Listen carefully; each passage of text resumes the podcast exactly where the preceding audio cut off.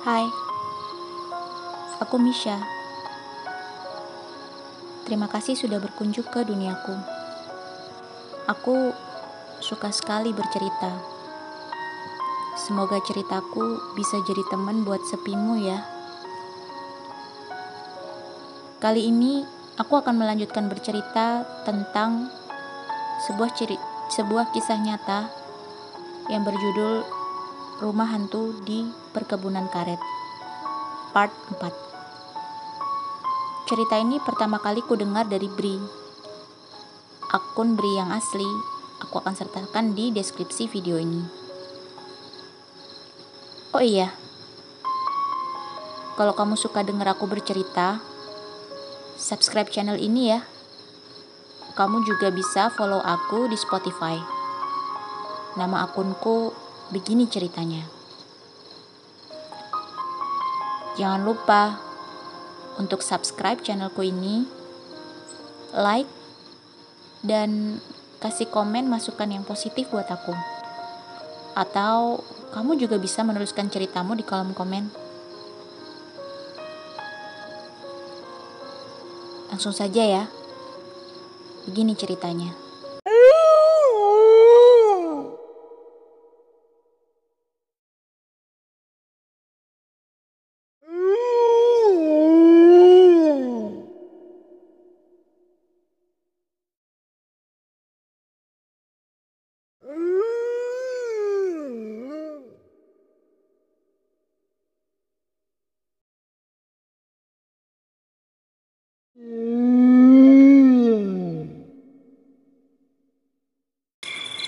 Kita lanjut cerita tentang Om Heri dan Wahyu yang tinggal di rumah hantu di perkebunan karet.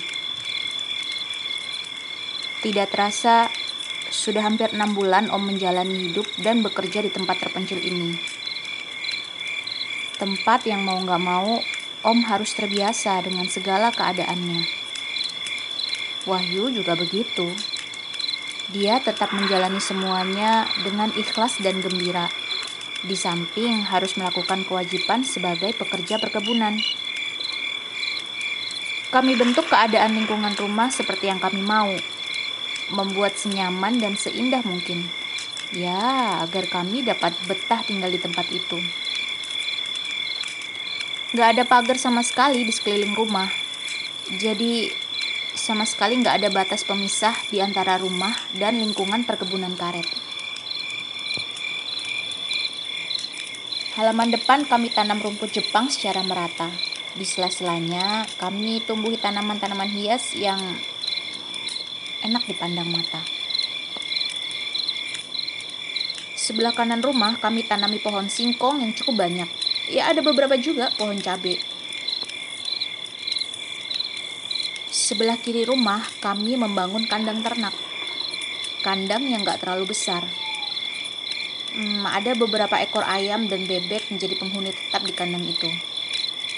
Nah, yang paling seru adalah bagian belakang rumah. Ya, ya seingat Om itu bagian yang paling seru.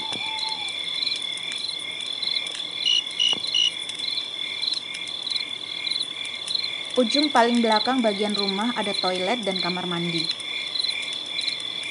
Toilet dan kamar mandi ini berhadapan dengan ruang kosong yang biasanya kami gunakan untuk gudang.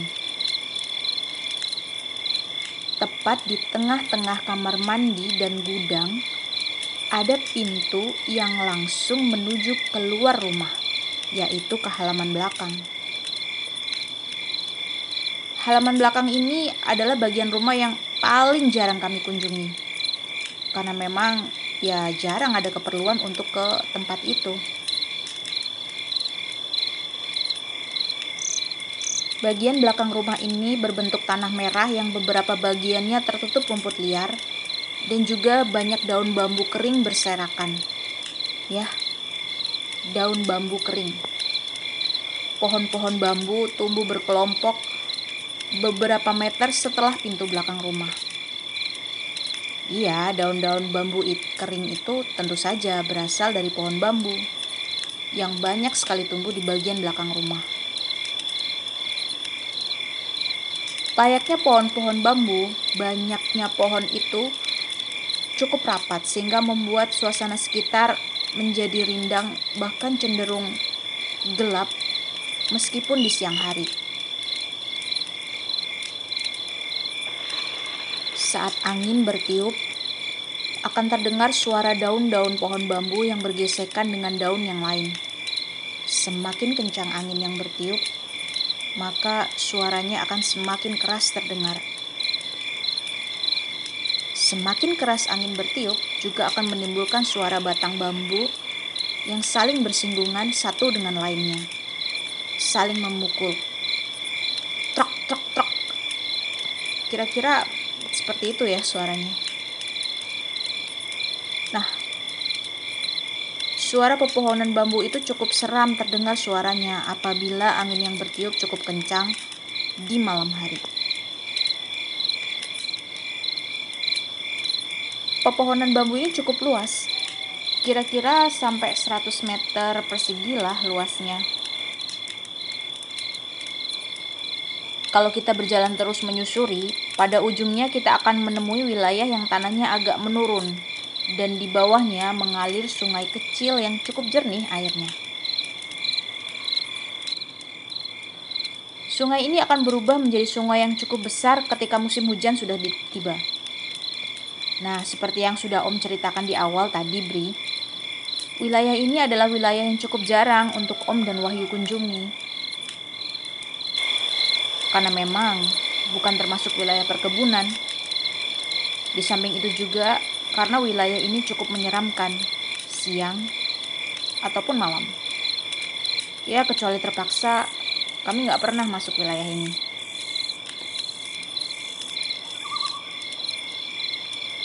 Nah, pada suatu sore menjelang maghrib, Wahyu harus masuk ke wilayah pepohonan bambu itu dengan tujuan untuk mencari beberapa ayam kami yang belum juga pulang ke kandangnya. Waktu itu Om gak ikut Wahyu. Om hanya duduk menunggu di kursi kayu yang ada di sebelah kiri rumah, di depan kandang ayam. Hati-hati yuk, jangan lama-lama. Sudah mau gelap ini.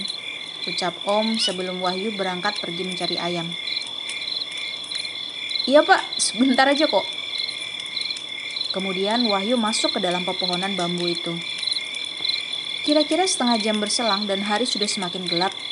Kok Wahyu belum juga kelihatan ya batang hidungnya? Nah, Om mulai khawatir, tapi belum punya niat untuk mencarinya. Beberapa menit kemudian, tiba-tiba muncullah beberapa ayam yang Wahyu cari-cari sejak tadi ayam-ayam itu muncul berbarengan dari arah belakang rumah. Tapi anehnya, hanya ayam-ayam itu saja yang muncul, sedangkan Wahyu belum juga muncul. Om langsung bergegas menggiring ayam-ayam itu untuk masuk ke dalam kandang.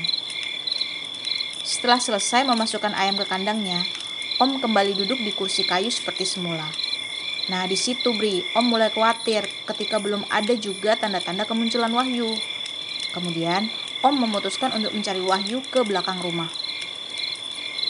Wahyu, yuk, yuk, Wahyu.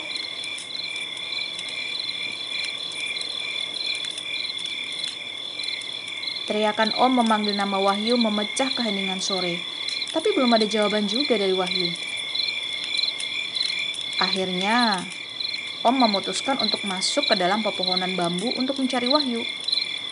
Langkah kaki Om yang bergesekan dengan tanah yang tertutup dedaunan kering adalah satu-satunya suara yang terdengar. Gak ada suara sautan dari Wahyu, Bri. Wahyu. Wahyu. Kembali Om memanggil namanya. Tapi Om gak mendengar ada jawaban juga. Angin cukup besar tiba-tiba mulai bertiup menggerakkan daun-daun bambu dan menghasilkan suara yang cukup menyeramkan. Batang-batangnya bersinggungan satu dengan lainnya. Di situ perasaan Om mulai nggak enak, tapi Om harus terus berjalan dong ya menyusuri pepohonan bambu itu. Terus mencari keberadaan Wahyu yang belum juga kelihatan ada di mana dia. Hingga pada akhirnya Om sampailah di ujung wilayah. Di depan Om sudah ada sungai kecil yang pada waktu itu airnya cukup deras. Wahyu belum juga kelihatan, belum juga ada tanda-tanda keberadaannya. Ada mungkin Bri beberapa menit Om berdiri di bibir sungai dan melemparkan pandangan ke seluruh wilayah itu. Untuk mencari Wahyu, sebelum akhirnya Om putuskan untuk udahlah kembali aja lah karena hari sudah mulai gelap. Om berharap Wahyu sudah ada di rumah. Jadi Om berjalan menyusuri pohonan bambu.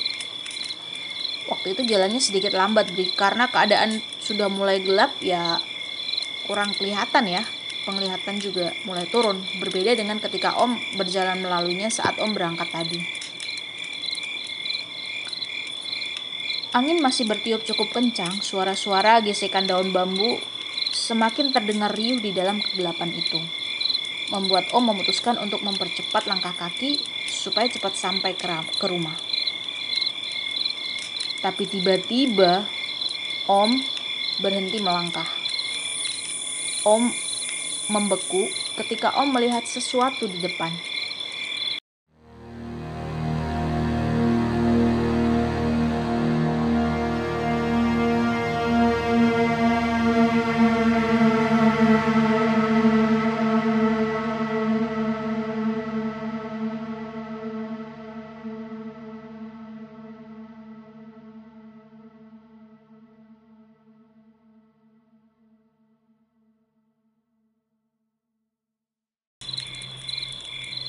Om langsung merinding ketakutan. Tubuh Om tiba-tiba lemas, gak, per, gak bertenaga. Jantung Om sudah berdetak sangat kencang. Jadi Bri, di depan Om berdiri sesosok makhluk tinggi banget, sekitar 2 meter. Berambut lusuh dan kotor Seluruh tubuhnya berwarna hitam legam termasuk mukanya Bri. Matanya Bri berwarna merah menyala menatap ke arah Om. Cuma beberapa detik aku rasa kami berpandangan. Tapi rasanya kayak selamanya, Bri. Assalamualaikum. Om memberanikan diri mengucap salam. Sosok itu tetap nggak bersuara.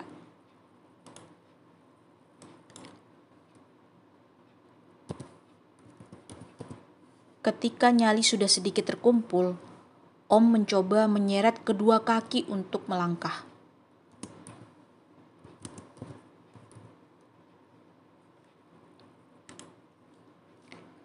Melangkah menghindarinya, berjalan memutar supaya nggak berpapasan langsung. Makhluk itu hanya diam berdiri, cuma wajahnya saja yang terus mengikuti pergerakan Om yang melangkah menjauhinya. Om semakin mempercepat langkah ketika rumah sudah terlihat beberapa meter di depan. Nggak sekalipun Om berani untuk melirik ke arah belakang. Alhamdulillah. Akhirnya sosok itu nggak terlihat lagi, Bri. Sesampainya di rumah, Om langsung masuk dan mengunci pintunya.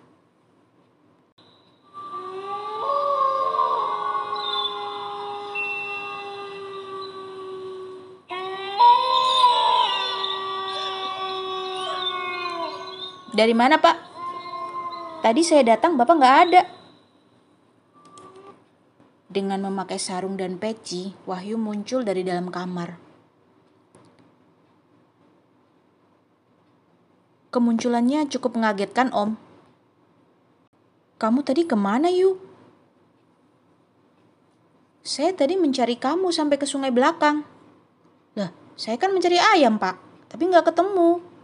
Kenapa saya kembali Kembali, ternyata ayamnya sudah ada di kandang, tapi Pak Heri malah menghilang. Walah yuk, ya sudah, saya mandi dulu, terus kita sholat ya yuk. Om menutup percakapan pada sore yang cukup aneh itu. Pada malam itu, hujan turun cukup deras, disertai dengan angin yang cukup kencang bertiup. Angin juga yang bertanggung jawab menggerakkan dedaunan pada pohon-pohon sehingga menghasilkan suara entah dari pohon karet atau dari pohon bambu yang ada di belakang. Udara jadi bertambah dingin. Om dan Wahyu duduk sambil berbincang di ruang tengah, ditemani oleh kopi dan singkong rebus hasil dari kebun sendiri. Om belum menceritakan Bri tentang kejadian yang Om alami di belakang rumah sore tadi pada Wahyu gak terlalu penting juga sih untuk diceritakan. Wahyu bercerita kalau siang tadi dia kedatangan tamu, seorang teman lamanya datang berkunjung, Nandar namanya. Nandar ternyata tinggal di kampung yang letaknya nggak jauh dari perkebunan karet tempat kami tinggal. Wahyu bilang Nandar salut dengan kami berdua. Salut dengan nyali kami yang berani tinggal di tempat terpencil seperti ini. Om cuma bisa tersenyum kecut mendengarnya. Ya kalau bisa memilih, tentunya Om akan pergi meninggalkan tempat ini secepatnya. Gitu kira-kira pikiran Om waktu itu, Bri. Waktu itu jam sudah hampir di pukul 11 malam, hujan deras terus turun tanpa sedikit pun berkurang intensitasnya. Beberapa sudut rumah terlihat bocor, air menetes dari atap. Beberapa tempat sudah kami letakkan ember di bawahnya supaya air nggak mele melebar ke mana-mana. Entah sudah berapa kali Wahyu memompa lampu petromak supaya cahayanya nggak mati tertiup angin yang sesekali masuk melalui lubang-lubang yang berada di atas jendela maupun pintu. Suara pepohonan bambu terdengar lebih keras, terdengar dari suara-suara lainnya, menandakan kalau angin bertiup lebih besar di belakang rumah.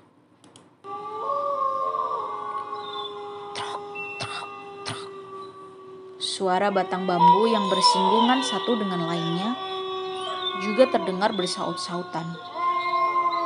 Menambah suasana menjadi semakin mencekam. Kami lebih banyak diam ketika sudah mulai kehabisan bahan perbincangan.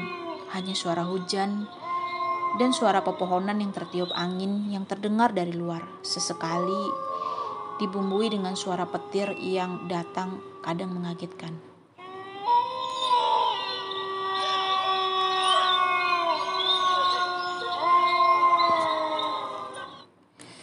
Yuk kita tidur aja yuk. Om akhirnya mengajak Wahyu untuk masuk ke dalam kamar mencoba untuk tidur. Wahyu mengangguk setuju. Petromak biarkan nyala aja yuk, Kembali, Wahyu mengangguk setuju ketika Om menyuruh dia untuk tidak memaktikan lampu petromak. Ketika sudah di dalam kamar, kami mencoba untuk tidur walaupun sebenarnya belum terlalu mengantuk dan mata masih terlalu segar untuk dipejamkan. Sesekali kami berbincang di atas kasur kapuk yang terasa sangat dingin malam itu. Sesekali tawa kami terdengar ketika ada satu pembahasan yang menimbulkan sedikit gelak tawa. Hujan sudah sedikit mereda ketika jam sudah menunjukkan pukul setengah satu malam. Hanya rintik gerimis yang terdengar. Angin sudah berhenti bertiup. Suara di luar berganti dengan suara katak dan suara binatang malam yang bersahut-sahutan. Tapi tiba-tiba kami terdiam. Kami mendengar ada sesuatu yang aneh. Terdengar sayup-sayup suara bambu, suara batang bambu yang saling bersinggungan. Gimana ya? Trok, trok, trok. Gitu. Aneh. Padahal angin sudah berhenti bertiup. Seharusnya sudah nggak ada lagi po suara pohon bambu yang tertiup angin. Suaranya seperti dari dalam rumah, Pak. Dari ruangan belakang. Wahyu berbisik pelan. Kita cek berdua yuk yuk. Takut pintu belakang kebuka karena tertiup angin besar tadi. Om mengajak Wahyu ke belakang rumah untuk memeriksa keadaannya. Om khawatir suara yang terdengar itu adalah suara pintu belakang yang belum tertutup. Kami membuka pintu kamar dan berjalan ke belakang. Gak lupa, Wahyu membawa Petromak dari ruang tengah untuk membantu penerangan. Ruang belakang dalam keadaan gelap karena kami memang sengaja nggak memasang satu lampu pun di situ. Ternyata pintu sudah dalam keadaan tertutup. Suara yang tadi yang kami dengar dari kamar juga sudah nggak terdengar lagi. Karena sudah terlanjur di belakang, Om sekalian masuk ke dalam toilet untuk buang air kecil. Om minta Wahyu untuk menunggu di depan pintu toilet karena perasaan Om masih nggak enak. Nah, pas Om udah berada di dalam toilet, tiba-tiba terdengar suara itu lagi. Suara bambu yang saling memukul satu sama lain. Trok, trok, trok. Suara itu terdengar jelas dan suaranya terdengar bukan bersumber dari dalam rumah, tapi dari luar. Om langsung keluar dari toilet. Wahyu masih menunggu di luar dengan wajah yang sudah mulai pucat. Pak, suara itu terdengar lagi. Pak Heri mendengar juga kan? Wahyu berbisik sangat pelan. Om mengangguk dan memberi isyarat agar kami langsung meninggalkan tempat itu dan kembali masuk ke kamar. Ketika sudah berada di dalam kamar, kami mencoba nggak terlalu memikirkan suara itu lagi dan mencoba memaksa diri untuk tidur. Tapi nggak berapa lama kemudian, suara itu kedengaran lagi. Trok, trok, trok. Kami semakin cemas dan ketakutan ketika menyadari kalau ternyata suara itu nggak hanya diam pada satu tempat, tapi seperti berjalan Suara itu berjalan dari halaman belakang terus menuju ke depan. Trok, trok, trok. Sumber suara terdengar semakin mendekat ke arah kami, mendekat ke arah jendela kamar kami. Suasana semakin mencekam. Kami semakin cemas dan ketakutan ketika menyadari kalau ini pasti teror sedang terjadi lagi.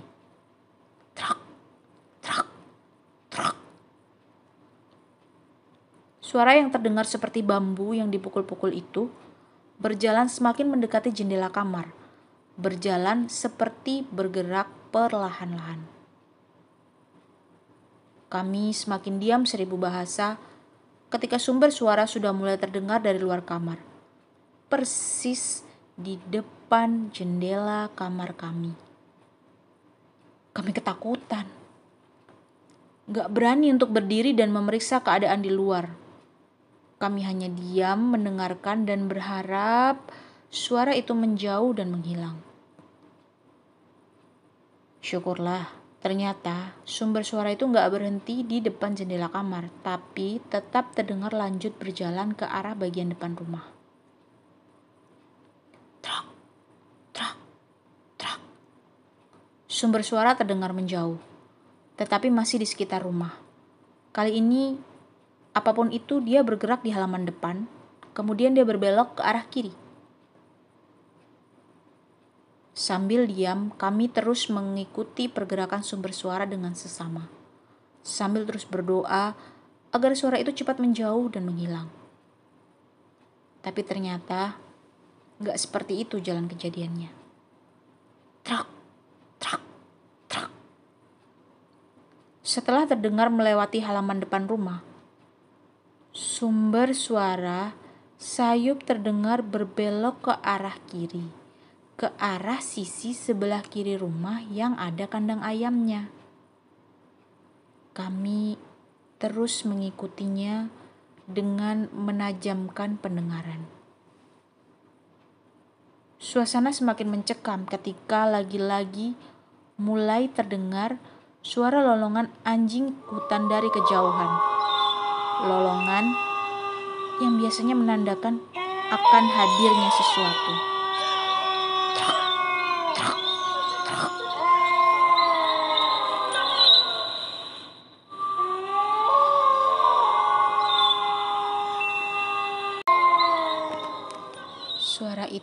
Berjalan pelan ke arah belakang rumah, melewati samping kiri bangunan.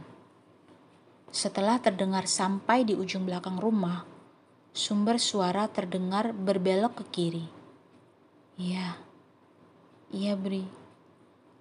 Jadi suara itu ternyata sedang berjalan mengelilingi rumah. Om dan Wahyu semakin ketakutan ketika menyadari hal tersebut. Dan kami pun juga belum berani untuk melakukan apa pun. Suara-suara binatang malam yang tadinya bersahutan tiba-tiba menghilang. Hanya terdengar sesekali lolongan anjing hutan yang terdengar dari kejauhan. Truk, truk, truk. Setelah terdengar dari belakang rumah, sumber suara kembali berjalan ke arah depan dan tentu saja akan kembali melewati jendela kamar kita. Dari bunyinya, sumber suara terdengar berjalan sangat pelan-pelan ketika mendekati jendela kamar. Dan semakin pelan ketika jaraknya terdengar semakin dekat. Om dan Wahyu menahan nafas, berusaha gak menimbulkan suara sekecil apa pun. Ketika sumber suara itu terdengar berhenti tepat di depan jendela kamar. Trak, trak, trak. Sumber suara terdengar sangat dekat dari jendela. Amat sangat dekat. Kenapa kami merasakan hal itu? Karena selain suara bambu yang dipukul-pukul, terdengar juga suara nafas dari balik jendela. Suara hembusan nafas yang cukup panjang terdengar di sela-sela suara bambu.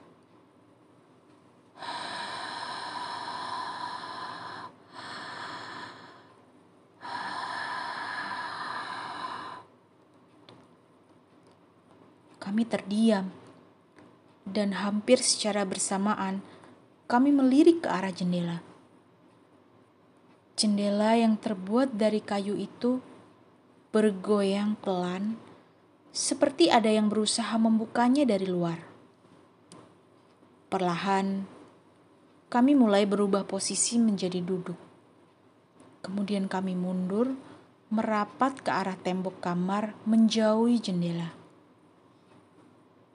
Dan tiba-tiba jendela itu pelan-pelan mulai terbuka. Kami semakin diam ketakutan. Jendela semakin terbuka lebar. Ketika sudah terbuka keseluruhannya, barulah kami dapat melihat dengan jelas sumber suara yang sejak tadi seperti bergerak mengelilingi rumah kami. Di luar jendela, kami melihat ada beberapa sosok yang berdiri diam menatap ke arah kami. Sosok yang sama persis wujudnya dengan sosok yang Om lihat sore tadi saat Om mencari Wahyu di pepohonan bambu yang ada di belakang rumah. Bedanya, kalau Om tadi hanya bertemu satu sosok, kali ini ada beberapa makhluk yang berdiri. Lebih dari tiga lah, Bri, sosok yang terlihat dari dalam kamar. Sosok tinggi besar hitam dengan mata menyala merah berdiri menatap kami dari luar jendela masing-masing memegang dua batang bambu yang cukup panjang. Sesekali mereka masih memukul dua batang bambu itu, dengan mata tetap melepaskan pandangan ke arah kami. Sangat ketakutan, Om bergerak pelan-pelan menuju pintu kamar, sambil Om menggandeng tangan Wahyu yang sudah pucat pasi kami berjalan pelan-pelan berharap makhluk itu tetap berdiri pada tempatnya. Hingga pada akhirnya kami berhasil keluar kamar. Wahyu menutup pintu dan menguncinya dari luar. Ayo pak, kita pergi saja pak dari sini. Wahyu membuka pintu depan dan buru-buru mengeluarkan motor. Gak ada pilihan lain, Om harus mengikuti kemauan Wahyu. Ayo pak, cepat pak. Wahyu memaksa Om untuk cepat naik ke atas motor ketika Om terlihat mengalami kesulitan untuk mengunci pintu rumah. Sudah pak, biarkan saja pak, ayo pak. Semakin tinggi nada bicara Wahyu. Akhirnya Om tinggalkan saja pintu dalam keadaan gak terkunci. Trak, trak, trak. Tiba-tiba terdengar suara itu kembali.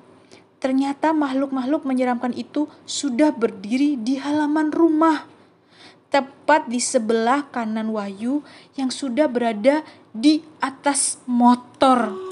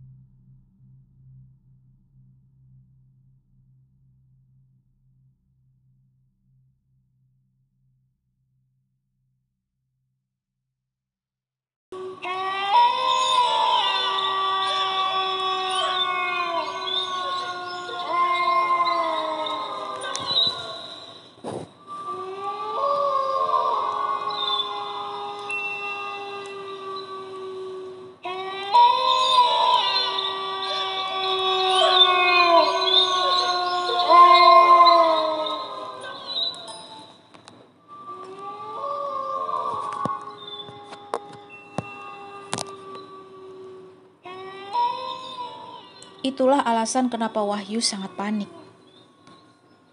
Om meloncat naik ke atas motor, kemudian Wahyu langsung tancap gas. Kami pergi ke kota, meninggalkan rumah pada tengah malam buta. Sampai sini dulu ya, Bri, ceritaku hari ini. Nanti aku sambung lagi.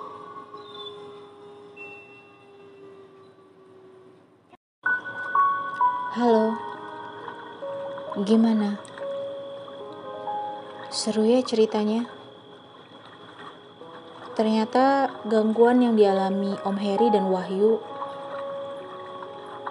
semakin ekstrim dan makhluk-makhluk itu semakin beragam yang menampakkan wujudnya. Oh iya teman-teman,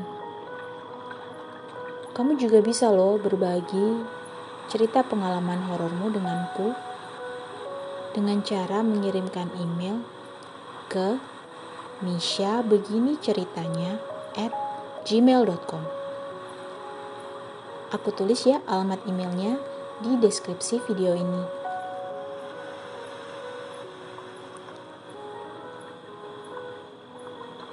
Ingat ya, bantu aku untuk tetap semangat upload dan membacakan cerita-cerita horor favoritmu dengan cara subscribe akun ini, like dan berikan masukan-masukan positifmu untuk aku. Aku akan terus berusaha memperbaiki kualitas narasi dan efek-efek suara.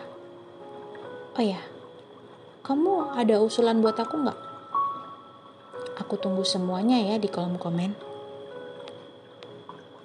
Sampai jumpa dan stay safe